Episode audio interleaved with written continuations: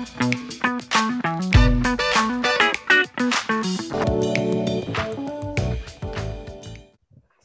pagi, selamat siang, selamat sore, selamat malam kepada semua pendengar Kastrat IMS FTUI 2020.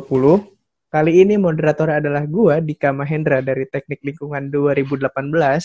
Ya, perkenalkan Timo dari Sipil 2018 sebagai moderator pada hari ini. Oke, kali ini bahasan kita tuh cukup menarik untuk podcastnya. Kalau sebelumnya tuh kita tentang pemberdayaan wanita, kali ini kita tentang apa nih, Mo? Aduh, topik hari ini nih menarik banget, Didik. Karena semua dunia itu pasti udah tahu topik inilah. Jadi topik yang akan kita bahas kali ini sebenarnya termotivasi atau terimprovisasi dari kasusnya si George dari Amerika Serikat. Coba dong, Dik, lu ceritain dikit. Kira-kira kasus si George dari Amerika Serikat ini tentang apa sih, Dik? Oke, jadi sebelumnya gini sih, ini kita ingin menjawab juga dari teman-teman semua yang emang pengen ngebahas tentang ini dan ngomong ke kastet bahwa BLM ini penting, kita akan ngebahas dan inilah bahasannya. Kurang lebih seperti ini. Oke, jadi uh, singkat cerita, pada tanggal Senin tanggal 25 Mei 2020 itu ada kasus pembunuhan terhadap orang berkulit hitam yang bernama George Floyd. Uh, lokasinya ada di Minneapolis, Minnesota, US.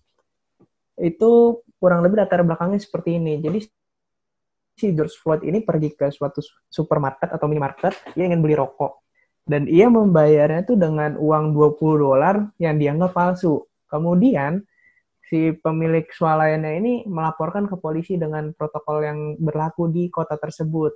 Setelah itu polisi menghampirinya dan setelah itu terjadilah yang namanya pembekapan. Si George Floyd ini dibekap di aspal dengan kondisi ia uh, tengkurap ya dalam bahasa yang sering kita dengar dan lehernya itu ditahan oleh kaki si polisi sehingga ia tidak bisa bernafas. Kurang lebih rekamannya seperti ini bisa didengar.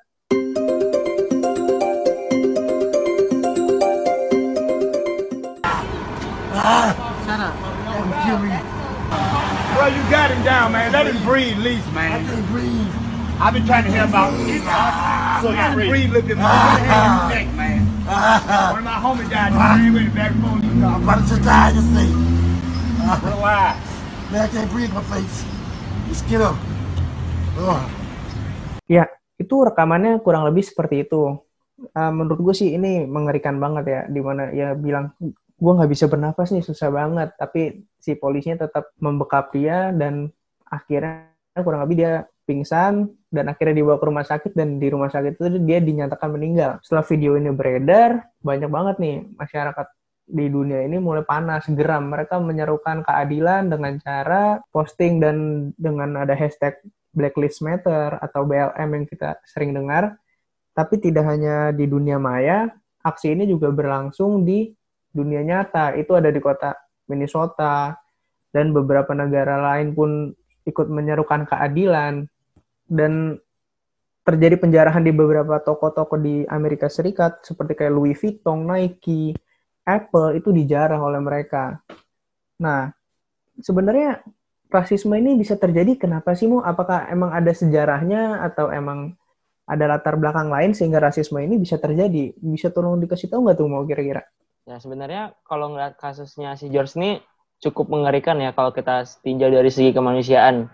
Dari yang gue baca nih, gue sempat baca di beberapa media dan komentar-komentar di media sosial, kalau kasusnya si George ini terjadi akibat dua hal nih, Dik. Gak cuma rasisme okay. semata, tapi kasusnya si George ini bisa terjadi akibat kekerasan aparat juga. Coba ya, gue coba jelasin satu-satu. Kalau dari rasisme nih, kalau kita tinjau dari sejarahnya, sebenarnya rasisme itu udah ada lama berbarengan dengan peradaban manusia nih. Hmm. Dari zaman dulu, rasisme itu udah menjadi jantung dari perbudakan di Amerika Serikat dan kegiatan kolonialisme di Eropa sana, Dik, pada abad ke-18. Nah, menurut gue sendiri rasisme itu udah mengalami sebuah evaluasi uh, evalu, evolusi definisi dan udah berkembang nih dari yang tadinya zaman dulunya cuma dipakai sebagai suatu kegiatan perbudakan kalau pada kehidupan kita sekarang ini mungkin kita bisa mendefinisikan rasisme itu sebagai suatu kegiatan yang memperlakukan orang lain tuh dengan cara yang berbeda hanya karena alasan-alasan identitas tertentu. Akibatnya apa sih dari rasisme ini? Munculnya keberagaman atau empat ras utama yang dikenal di dunia pada saat ini, yaitu ras Mongoloid, negroid, kaukasoid, dan ras khusus lainnya. Gak cuma itu aja sih, Dik, yang terjadi di kasusnya si George. Poin kedua itu adalah tentang kekerasan aparat. Dari apa yang gue baca, uh, orang-orang tuh uh, pada mulai berpikir, kira-kira aparat penegak hukum di Amerika itu udah menjalankan tugasnya apa belum sih? Karena polisi yang membunuh si George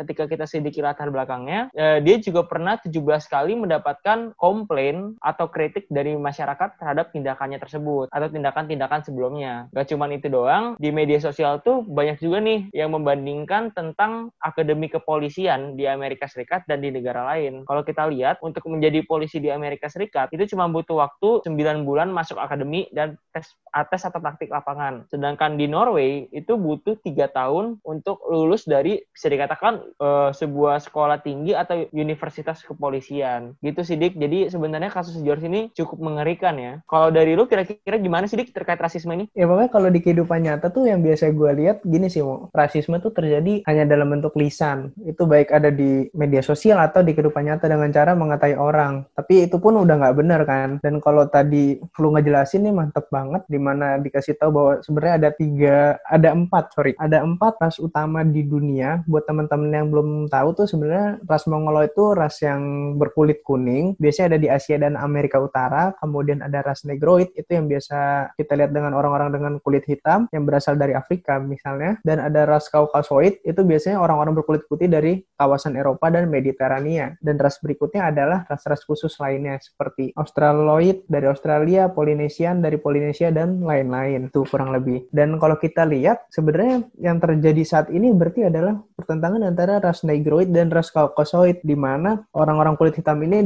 diskriminasi oleh orang-orang kulit putih. Dan kalau kita lihat lagi sebenarnya di Indonesia sendiri ya itu sering terjadi sih Mo. Kita sering mensuperiorkan orang-orang kulit putih nggak tahu kenapa mungkin ya kalau lu tadi jelasin tentang perbudakan dan segala macam. Dan kalau di Indonesia juga terjadi di mana diskriminasi sering diberikan kepada orang-orang yang berkulit hitam juga seperti teman-teman kita di Papua misalnya. Kurang lebih gitu sih Mo. Nah, menarik banget sih karena lu nyinggung tentang rasisme di Indonesia, ya menurut gue ini uh, masyarakat Indonesia tuh kurang aware nih dik terhadap hal ini. Karena kayak tadi lu bilang yang lu kasih contoh di kehidupan nyata sehari-hari kadang-kadang uh, kita sebagai kita mungkin uh, bisa jadi pelaku dan bisa jadi kita nggak sadar udah melakukan hal tersebut. Mungkin ini sih yang perlu di aware sama masyarakat kita. Apalagi kita hidup di masyarakat dengan sistem yang majemuk. Jadi kita tuh harus punya sebuah toleransi tinggi. Bahkan kadang-kadang ketika kita mikir sebuah simbol negara kita yaitu bineka tunggal ika kita kadang-kadang mikir kalau misalkan masyarakat kita itu belum hidup ke arah sana gitu. Uh, contohnya nih dari data yang udah gue baca, pada tahun 2012 saja terjadi 1.280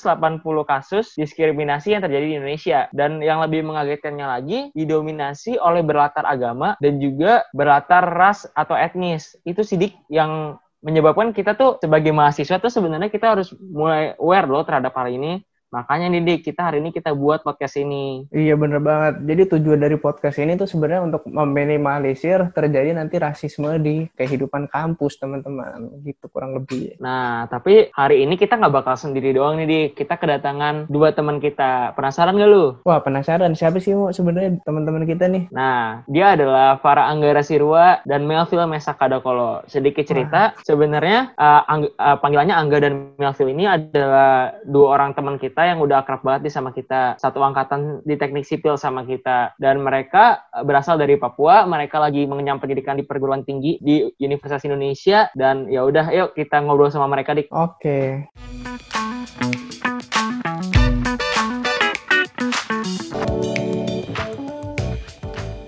Ya, oke. Okay. Hari ini jadi kita kedatangan dua bintang tamu, teman kita sendiri nih. Ada Angga dan Melville.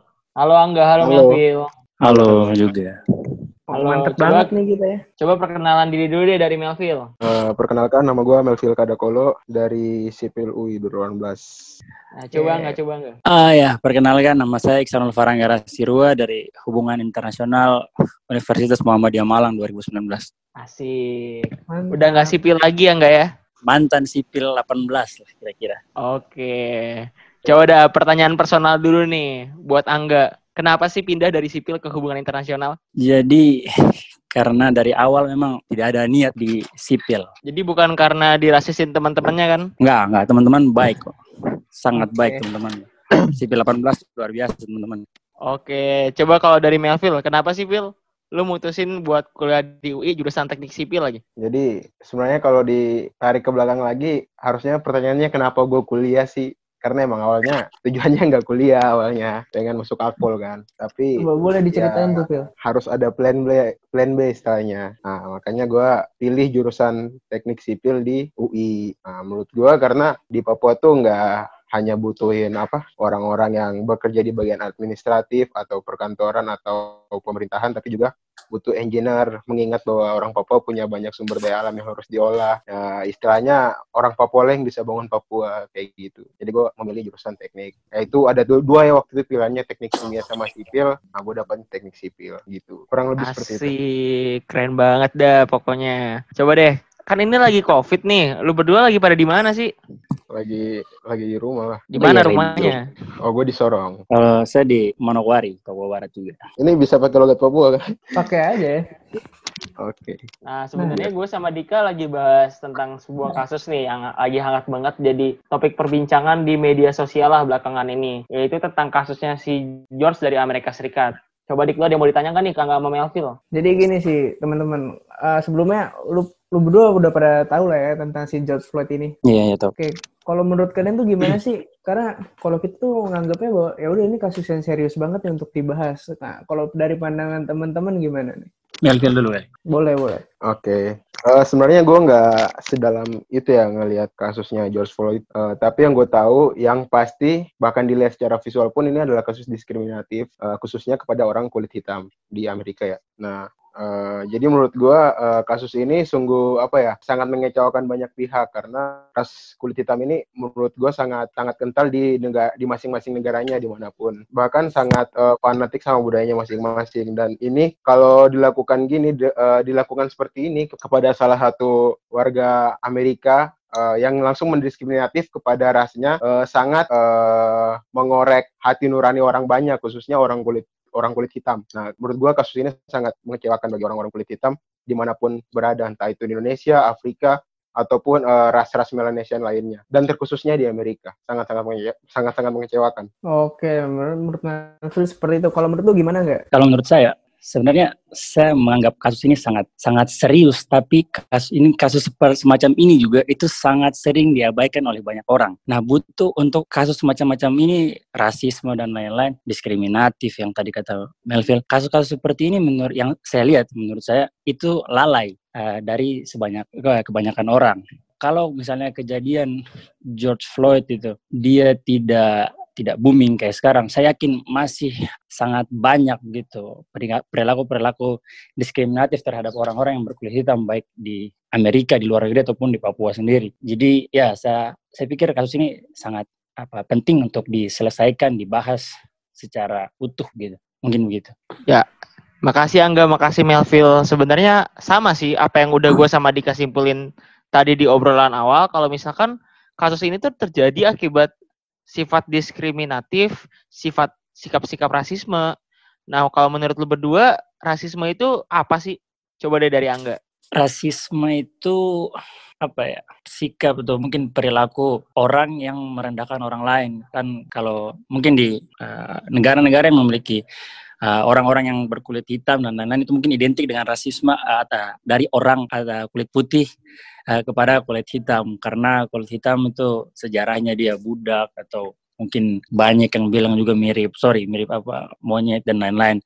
Nah mungkin itu menurut saya rasisme itu apa ya satu perilaku yang merendahkan satu eh, etnis atau satu kelompok lah kira-kira begitu Oke, makasih Angga. Nah, kalau menurut lu Melville gimana, Phil? Rasisme tuh Menurut apa? gua, menurut menurut gua sih nggak beda jauh ya sama Angga. Jadi eh, rasisme ini adalah suatu tindakan tindakan penghinaan ataupun diskriminatif kepada eh, kaum kaum kulit hitam. Apalagi bisa dibilang pun kepada eh, kaum kaum minoritas negara. Apalagi kita sejujurnya orang Papua juga ya, bisa dibilang apa ya minor ya di Indonesia kayaknya untuk ras kulit hitam di Papua. Nah itu Indonesia. kadang karena faktor minoritas juga bisa dibilang terjadilah hal seperti itu di suatu negara kayak gitu sih hal-hal eh, tindakan-tindakan diskriminatif kepada orang-orang yang ras eh, kulit hitam di, di Indonesia ataupun di negara lain Oke, menarik banget nih obrolannya. Jadi kayak udah disinggung Angga sama Melville, kalau rasisme di Indonesia tuh emang terjadi dan identik terjadinya itu di Papua. Coba buat gua sama Dika yang belum pernah ke Papua, gimana sih kabar Papua sekarang ini? Kabar ya. Sekarang kalau kita lihat ya, secara keseluruhan Papua itu sedang tidak baik-baik saja, baik Provinsi Papua Barat ataupun Papua. Kenapa? Di satu sisi, operasi militer di Papua itu secara terus-menerus dilakukan oleh uh, negara. Sangat disayangkan sebenarnya itu. Nah, di satu di sisi lain dengan adanya wabah ini dan apa namanya uh, fasilitas kesehatan di Papua yang belum terlalu memadai untuk uh, menanggulangi kasus-kasus ini, uh, itu menjadikan banyak orang Papua terancam oleh pandemi COVID-19 ini. Apalagi dengan diterapkannya new normal oleh uh, Presiden Joko Widodo, itu menurut saya hal yang kejam ya. Karena saya melihat new normal ini sebagai hukum rimba. Yang yang kuat bisa bertahan yang lemah ya mati gitu.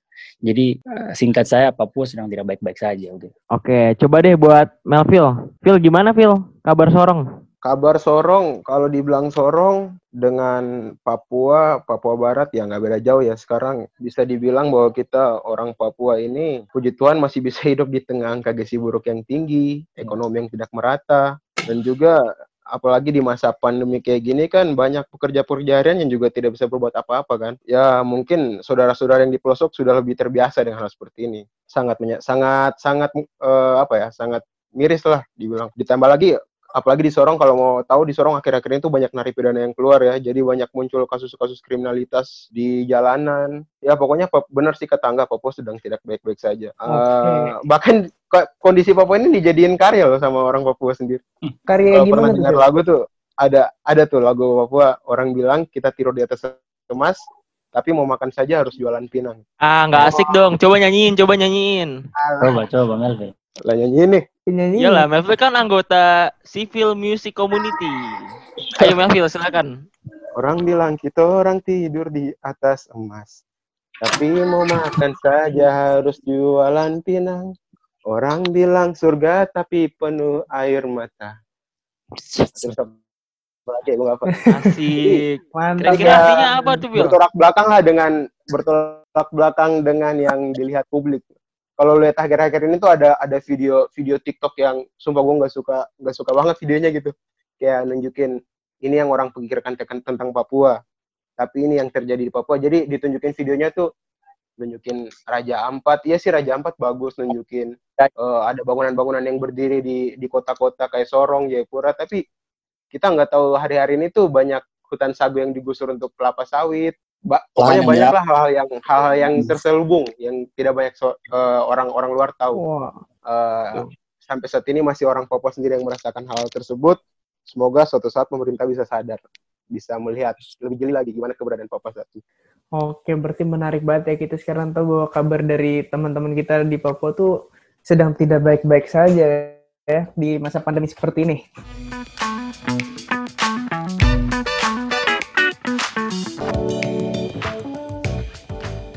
Oke, bahasannya coba kita kita pengen tahu nih, menurut kalian tuh di Indonesia rasisme terhadap teman-teman di Papua tuh gimana sih tingkat uh, rasismenya? Apakah tergolong tinggi atau biasa-biasa aja? Coba bisa di-sharing-sharing nggak tuh dari Melville mungkin? Kalau gue pribadi sih nggak. Uh, lingkungan di sekitar gue orang-orang yang baik kayak Dika, Timo ini teman-teman yang baik. Itu pun teman-teman lainnya di kampus. Tapi sebenarnya ada sebanyak saudara-saudara kita yang merasakan uh, tindakan rasisme ini di di luar uh, Papua ataupun di Papua juga ada. Contohnya ya nggak usah jauh-jauh lah. Contoh yang kemarin uh, masalah rasisme di Surabaya yang mana ada oknum-oknum uh, aparat bahkan ormas-ormas yang uh, menyuarakan ingin mengusir orang Papua di Surabaya karena uh, mengenai kasus bendera merah putih yang dibuang di got.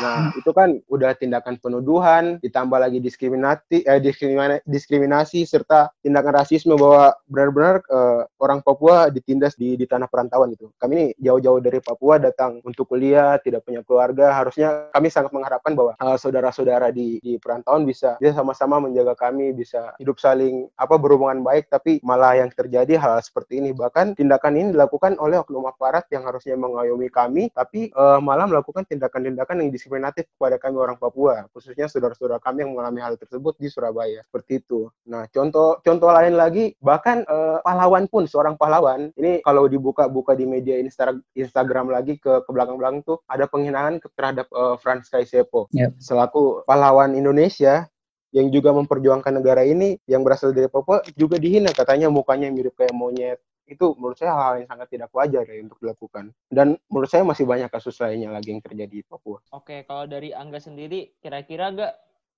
lu pribadi nih di Malang ada kasus-kasus rasisme nggak sih yang menimpa diri lu? Kalau saya secara secara pribadi ya, secara pribadi itu mungkin tidak ada ya. Karena seperti yang teman-teman tahu saya juga kan Papuanya blasteran jadi uh, yang orang yang kenal saya baru tahu bahwa oh saya orang Papua atau mungkin dengar cara saya ngomong baru tahu saya orang Papua di Malang ya, untuk di Malang uh, tapi ada pernah anak Timika atau Mimika gitu setelah kasus Surabaya pecah Surabaya pecah dan lain-lain itu dia sangkatan dengan saya uh, FISIP juga waktu itu dia jurus kesejahteraan sosial. Nah dia itu ditol dia mau cari kos dia ditolak karena dia orang Papua dia ditolak karena dia orang Papua. Karena di stigmanya masyarakat masyarakat di, di sekitar situ orang Papua itu jahat. Orang Papua itu nakal-nakal orang Papua itu pokoknya yang jelek. Jadi menurut saya kalau saya pribadi ya saya belum pernah rasa tapi kasus-kasus selain saya tuh banyak banyak sekali. Yang tadi Melvin sudah banyak sebutkan. Mungkin itu tim. Menarik banget ya. Bahkan di lingkungan uh, kampus kampus saja yang tepat di mana para mahasiswa orang-orang intelektual berkumpul masih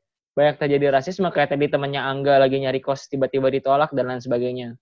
Gue mau nanya nih secara pribadi, kira-kira menurut lu berdua, kenapa sih hal itu bisa terjadi ke orang Papua? Kenapa sih yang tadi dikatain Angga, stigma masyarakat terhadap orang Papua itu kenapa bisa jelek sih? Coba dari Angga.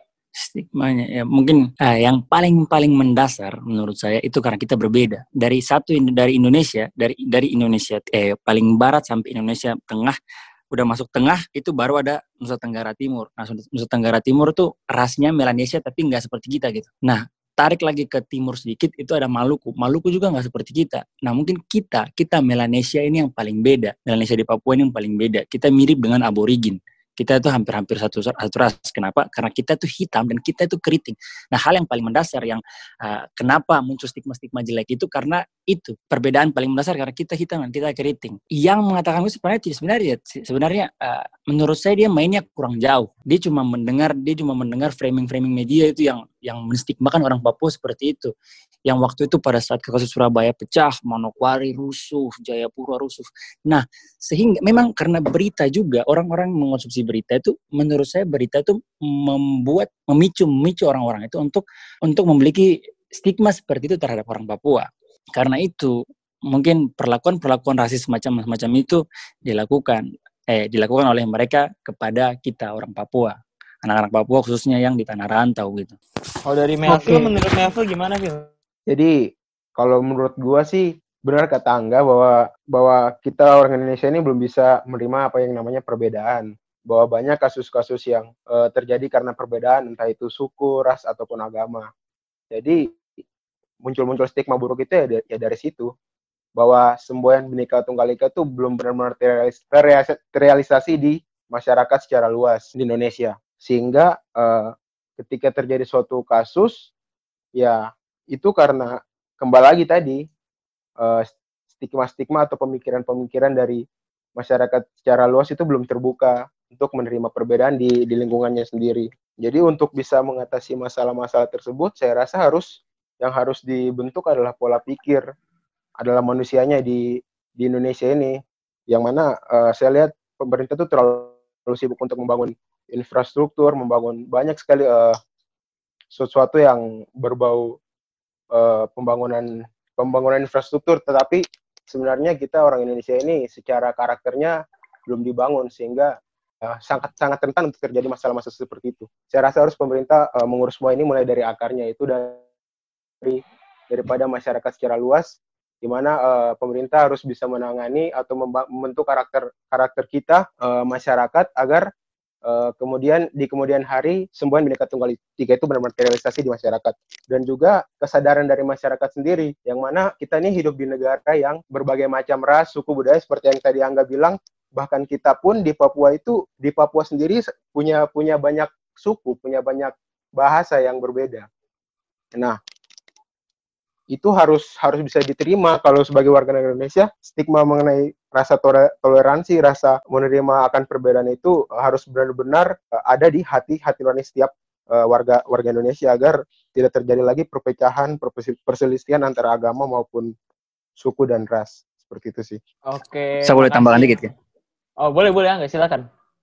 Jadi ya iya sama yang satu lagi yang menjadi mungkin menurut saya mungkin karena uh, akar permasalahan seperti rasisme rasisme rasisme begitu terjadi itu karena mereka tidak kenal kita. Mereka tidak kenal kita. Coba kalau mereka kenal kita saya rasa hal-hal semacam ini tidak akan terjadi. Coba saya tanya kepada Timur dan Dika begitu yang punya teman orang Papua saya Melville ataupun Louis adik. Setelah kalian kenal apa yang kalian rasakan gitu? Apakah yang dimakan orang-orang itu eh, tepat atau melenceng jauh? Coba Simpel sih. Kalau menurut gue sih setelah kita kenal ya, gue kenal lu Angga, gue kenal Melvi, gue kenal Ade, itu sama sekali nggak ada rasa untuk ngejudge sekalian. Karena ya udah kita ya gue merasa bahwa ya udah kita sama-sama orang Indonesia juga sama-sama makan nasi istilah ngapain gue gue gue nggak punya hak buat ngejudge sekalian gitu kan.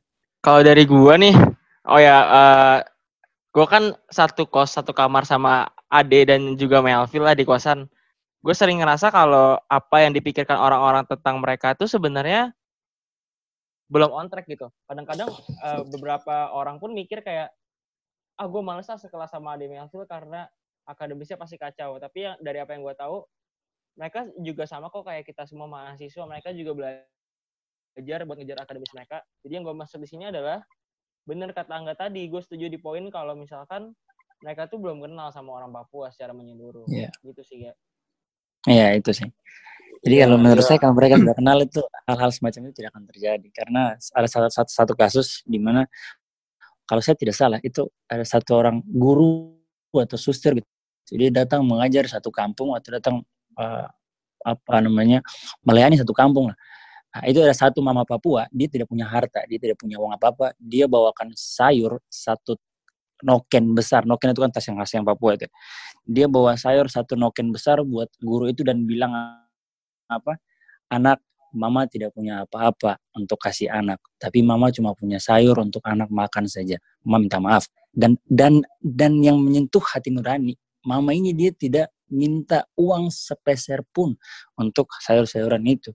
Nah menurut saya ya mereka harus kenal kita sebelum mereka menjudge kita kasar dan lain-lain. Itu sih. Oke, pada, menarik banget jadi nih. pada intinya berarti kalau intinya kenali hatinya bu bukan uh, kenali itu dari hatinya bukan fisiknya. Oke okay, oke. Okay. menarik banget nih apa yang udah Angga sama Melville sampai ini teman-teman terkait kalau misalkan kita tuh sebagai orang Indonesia belum aware loh tentang identitas bangsa kita sendiri.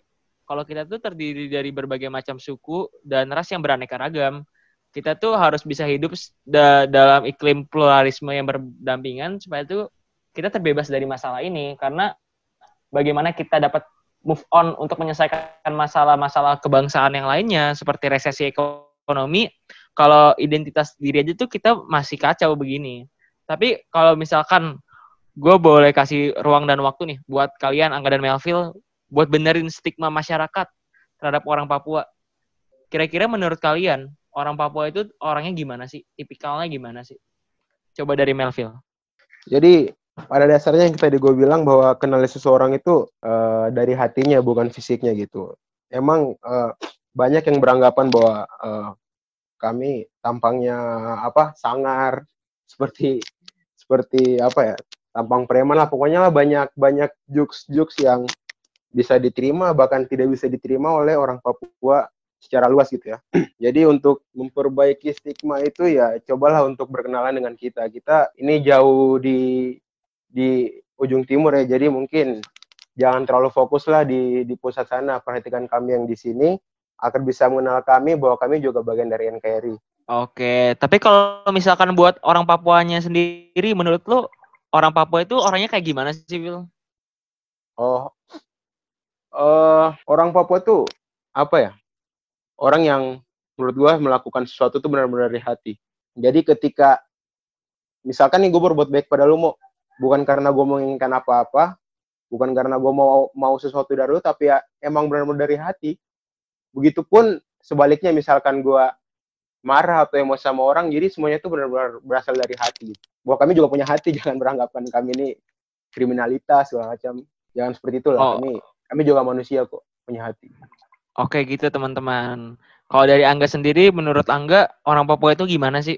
Saya, saya mungkin sing- sing- singkat ya, tadi sudah banyak dijelaskan oleh Melvin.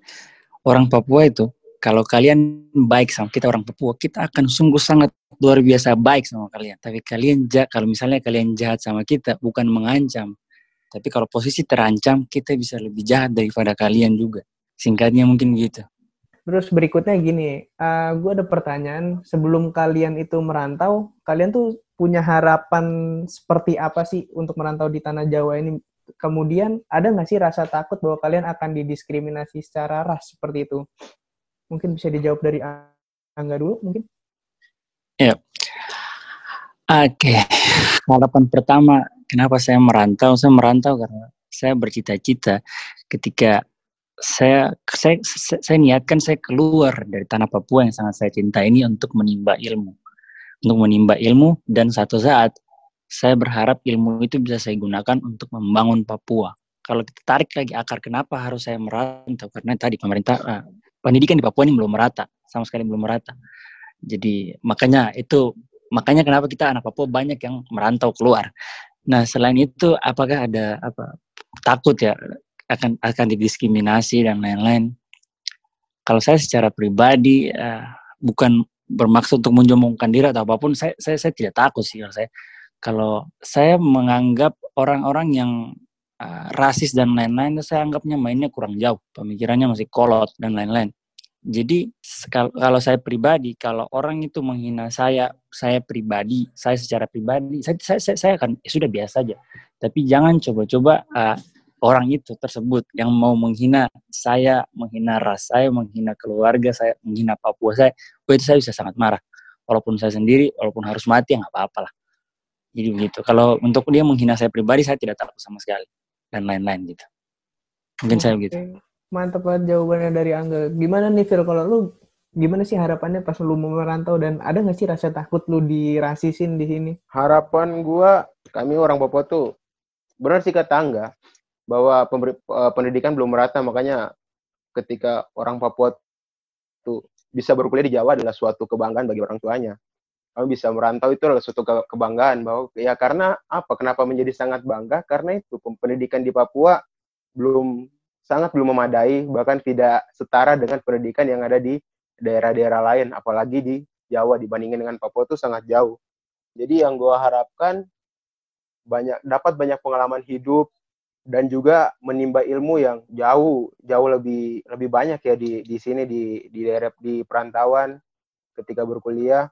Dan harapan gue yang yang paling apa ya yang paling dalam adalah semoga gue bisa kembali dan membangun Papua gitu dari dari perantauan ini. Dan untuk merasa didiskriminasi atau itu eh, kalau gue secara pribadi nggak pernah takut sama sama sama hal tersebut gitu. Bahwa ya kalau gimana ya mungkin gue udah sudah bisa lah untuk bagaimana mengatasi itu. Mungkin dari secara mental gue udah udah benar-benar siap. Jadi kalau ketika kita akan merantau bahwa hal seperti itu terjadi di diri gue gue udah gue udah sebenarnya udah siap. Tapi sangat prihatin kepada saudara-saudara gue yang eh, harus merantau dan ternyata eh, mengalami penindasan atau tindakan tersebut dengan mental yang belum siap itu menurut gua eh, gue sangat menga- apa sangat kasihan lah kalau kalau terjadi hal tersebut pada saudara-saudara gua dan untungnya kami di UI ini sampai saat ini belum terjadi ya tindakan tersebut kepada kami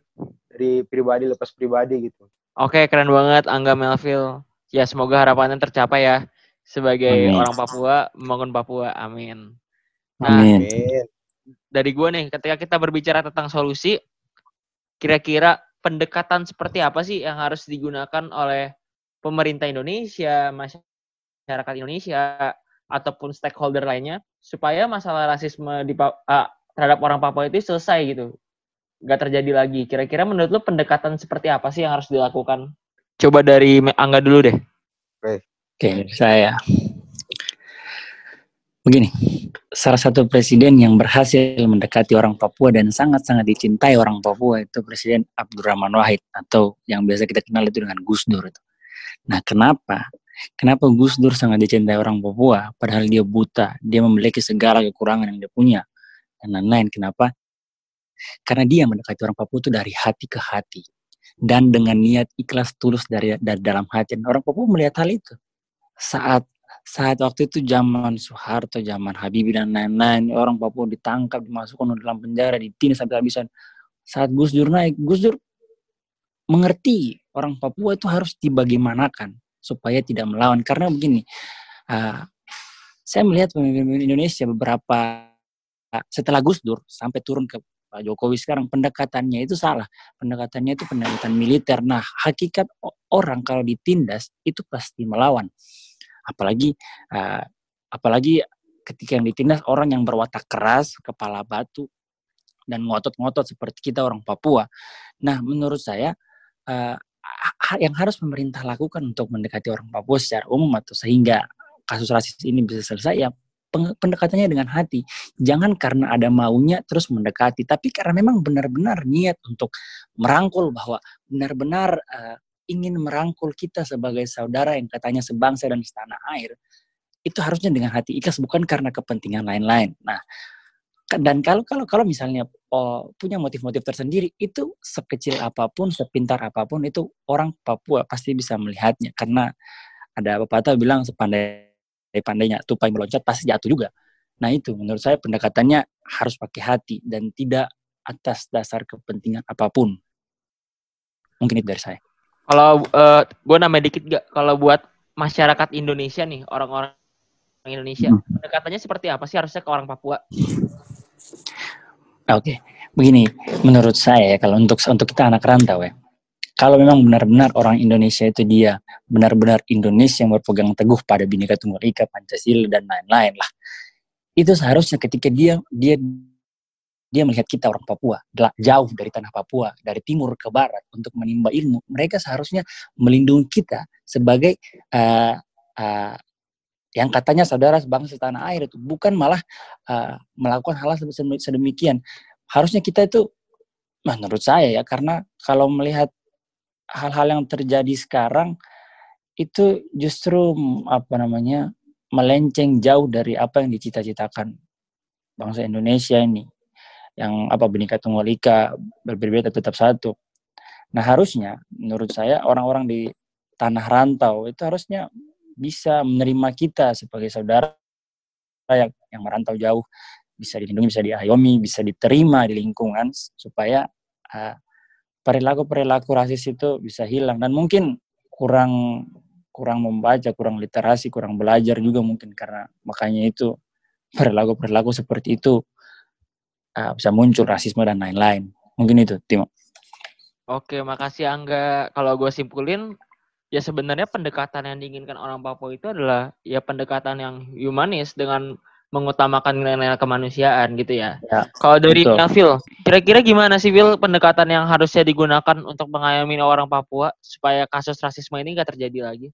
Angga udah jelasin banyak, jadi menurut gua pada intinya jangan dibedain lah kami ini sama suku yang lain atau pulau yang lain kami juga kami juga bagian loh dari dari bangsa ini. Jadi uh, jangan sampai kami udah minoritas udah udah jauh di timur tapi bukan dirangkul tapi kesannya seperti kami tuh di, ditinggalkan atau dibiarkan.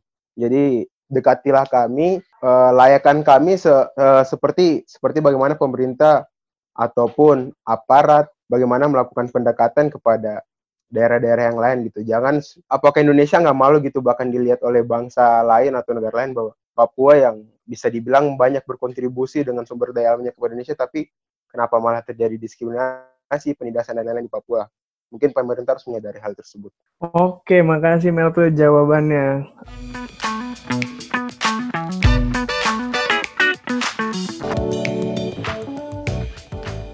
Terus berikutnya nih, tadi udah dijelasin juga gimana sebaiknya kita masyarakat Indonesia maupun pemerintah bersikap ke teman-teman semua tanpa membedakan rasnya. Terus sekarang pertanyaannya gini sih, lebih ke arah harapan kalian nih, kan kita udah lihat George Floyd seperti itu dan beberapa kasus rasisme lainnya. Harapan kalian nih gimana sih terhadap kasus rasisme di Indonesia supaya berkurang gitu, meminimalisir tingkat rasisme di Indonesia? Mungkin bisa dijawab dari Angga dulu. Menurut saya, bagaimana cara supaya meminimalisir rasisme? Waduh, tanyanya berat juga.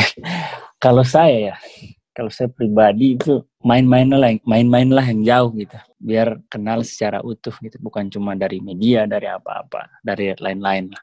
Biar mengerti, biar kita bisa mengerti dan menyikapi karakteristik uh, orang lain secara tepat karena kenapa saya bilang begitu? Karena banyak juga orang yang bilang, oh orang Papua ini ngomongnya kayak nggak bisa pelan dan lain-lain. Nah makanya itu saya, saya saya saya saya bilang tadi butuh main yang jauh karena mereka harus tahu dulu kenapa kita ngomongnya kencang dan lain-lain ya karena kita hidup di di, di pantai di, di pinggir pantai yang uh, membutuhkan suara yang keras untuk berkomunikasi karena angin laut dan lain-lain. Mungkin cara-cara seperti itu bisa minimalisir tingkat rasisme. Nah selain itu mungkin dari pola pikir ya, pola pikir yang harus diubah, perbanyak literasi dan lain-lain sehingga bisa menerima perbedaan secara utuh. Kalau dari Melville gimana, Phil? Kalau dari gua selain yang Angga bilang tadi udah benar, kalau dari gua ya semoga pemerintah tidak kelalai lagi lah terhadap kasus-kasus seperti ini. Uh, semoga hukum Indonesia juga, hukum yang ada di Indonesia juga benar-benar ditegakkan gitu bahwa kasus-kasus terkait rasisme ataupun bisa dibilang kasus perselisihan agak perselisihan agama, saya harap ini jadi uh, menurut saya ini menjadi tugas besar yang harus diselesaikan oleh pemerintah bahwa keadilan benar-benar harus ditegakkan agar ke depannya jangan bisa meminimalisir hal tersebut terjadi di Indonesia. Asik. Oke deh. Sebenarnya sih udah selesai sih bahasan kita intinya ya itulah pokoknya kita harus berusaha menerapkan bineka tunggal ika itu dalam kehidupan sehari-hari. Apa yang udah ditetapkan sebagai suatu sebuah negara kita itu ya jangan sampai kita rusak karena alasan suku dan ras semata. Tapi ini gue punya satu pertanyaan terakhir nih buat lu berdua nih, buat Angga sama Melville. Kira-kira kalau misalkan masyarakat Papua nonton ini, apa sih yang mau kalian sampaikan? Oke dari dari Angga boleh dari Angga. Oke. Nah, saya dari saya kalau misalnya ada saudara-saudara Papua yang nonton ya, yang, dengar ya, begini, Tuhan itu adil, Tuhan itu tidak buta gitu. Segala sesuatu dan kita sebagai umat beragama itu yakin dan percaya bahwa segala sesuatu itu pasti ada balasannya. Kalau bukan manusia yang balas, pasti nanti Tuhan akan membalasnya di di alam lain, di akhirat nanti. Nah, jadi kalau misalnya ada perilaku-perilaku rasisme begitu dan lain-lain, kalau misalnya masih ya nyerang pribadi dan lain-lain itu sudah senyuman senyumin orang bilang senyumin saja begitu biarlah. Karena saya mengutip dalam dalam Islam itu ada namanya imam imam imam Syafi'i. Nah imam Syafi'i itu dia bilang gini salah satu imam di imam Syafi'i salah satu mazhab yang dipakai uh, ya mazhab yang dipakai Indonesia mazhab Syafi'i. Nah imam Syafi'i itu bilang begini uh, saya itu bisa berdebat dengan 10 orang berilmu dan saya selalu menang tapi saya selalu kalah berdebat dengan satu orang bodoh. Nah, menurut saya, nah apa apa hubungannya? Ya kalau orang ber, apa uh, bertindak rasis kepada kita, ya sudah biarkan saja karena mereka bodoh, tidak usah tidak usah ditanggapi dengan serius gitu. Kalau misalnya sudah menghina di batas di luar batas wajar, barulah oke kita melawan. Tapi selama masih batas wajar ya biarkan saja mereka kalau ngomong-ngomong-ngomong capek pasti diam juga. Mungkin itu sih dari saya, Timo. Keren banget Angga. Kalau dari Melville gimana Phil kira-kira pesan-pesan terakhir lah untuk disampaikan ke masyarakat Berat nih ya bahasanya Angga. Calon presiden. Itu tadi Imam Syafi'i itu Abdullah Syafi'i ya gak? Bukan, bukan. Imam Imam Imam Imam Syafi'i itu dia salah satu ulama lah yang apa namanya? Mazhab. Mazhab ini apa sih ya Allah? ya mazhab. Iya lah, itulah pokoknya. Oke lah, oke lah. ulama besar lah, ulama besar yang yang apa di dihormati oleh umat muslim di seluruh dunia lah. Oh. Salah satunya di Indonesia. Nah, kalau kalau Dika oke okay lah wajar nggak tahu. Ini produser kita Nadine tahu nggak Nadine? ah, kayaknya dia nggak tahu juga deh. Tahu kan mu. Gak tahu dia. Oke, okay, kita balik ke Melville ya. Pesan gua uh, untuk saudara-saudara di Papua, kita orang Papua tuh punya fisik yang kuat tapi juga punya hati yang lebih kuat ya menurut saya. Jadi pergunakan itu dan percaya bahwa semua yang masalah yang semua masalah yang terjadi di saat ini pasti akan berakhir. Kapan pun semua pasti punya waktunya. Jadi tetap berjuang, tetap berjuang apalagi untuk teman-teman yang di perantauan, apa yang menjadi cita-cita, tetap perjuangkan itu dan jangan peduli dengan omongan orang lain karena orang tidak akan bisa sukses kalau terus mendengar omong, terus mendengar omongan dari orang lain. Gitu. Oke. Okay. Makasih Melville buat saran-sarannya. Oke, okay, Dik, lu mau pesan terakhir nggak Dik? Apa gue dulu? Lu dulu aja. Oke, okay, kalau dari gue, Timo Dika, Melville Angga, kita sama-sama warga negara Indonesia. kita sama-sama lahir, tinggal, dan menimba ilmu di Indonesia, ya kita jadikanlah itu sebagai kekuatan bangsa. Karena percaya tidak percaya, bangsa Indonesia itu besar bukan karena kepintaran, bukan karena kekayaan, bukan karena sumber daya alam. Bangsa Indonesia itu besar karena bangsa Indonesia beran beraneka ragam, karena bangsa Indonesia punya segala macam yang ia butuhkan oleh manusia-manusianya. Menurut gue itu sih yang mesti kita jadiin pegangan di hampir 75 tahun kemerdekaan Indonesia. Jangan sampai perbedaan yang ada ini justru menjadi hambatan. Justru harusnya perbedaan yang ada ini menjadi peluang buat negara kita buat terus maju. Kira-kira itu aja sih dari gue. Coba deh dari lu Dik. Nah, lu udah mantap banget lu nyiapin kata-katanya. ya udah, kalau dari gue gini sih. Oke. Okay. Akhir kata kita semua memiliki perbedaan di sini. Ada Angga dan Melville dari Papua, ada Timo dari etnis Tionghoa, dan gue dari etnis Jawa. Tapi perbedaan ini bukan suatu penghalang untuk memajukan bangsa kita, bangsa Indonesia. Semboyan kita merupakan bineka tunggal ika, berbeda-beda tapi tetap satu dari ujung Sabang sampai ujung Merauke, Merauke. Kita semua memiliki perbedaan. Tapi perbedaan ini merupakan suatu peluang untuk memajukan bangsa kita. Jadi kita sebagai bangsa Indonesia jangan pernah bersikap rasis satu sama lain. Kalau Angga tadi bilang kita mainlah yang jauh. Kita harus kenal sama teman-teman kita baik dari ujung timur sama sampai ujung barat kita harus kenal karena kita berbeda. Jangan sampai kita nggak judge tapi kita tidak kenal mereka sebenarnya seperti apa. Gue Dika, sekian. Oke, Dik keren banget. Makasih Angga sama Melville buat waktunya. Sukses Terima terus kuliahnya. Oke. Terima kasih. Ditunggu ya lima tahun ke depan panggilan untuk membangun Papua. Anjay. Wow, amin. Amin, amin. Oke, sukses Amin. terus kuliahnya buat Melville yang lagi UAS belajar Phil, buat Angga, Angga juga lagi UAS Angga. Siap. Oke, sekian aja uh, podcast Kasar IMS FTI 2020. Makasih teman-teman semua udah mau mendengarkan cerita kita tentang rasisme dan Papua. Semoga bisa bermanfaat. Gua Timo dan rekan gue. Gue Dika Mahendra jangan lupa jangan pernah rasis sama teman-teman kita dari mana pun mereka berada. Oke, kita pamit undur diri ya. Makasih guys. Makasih.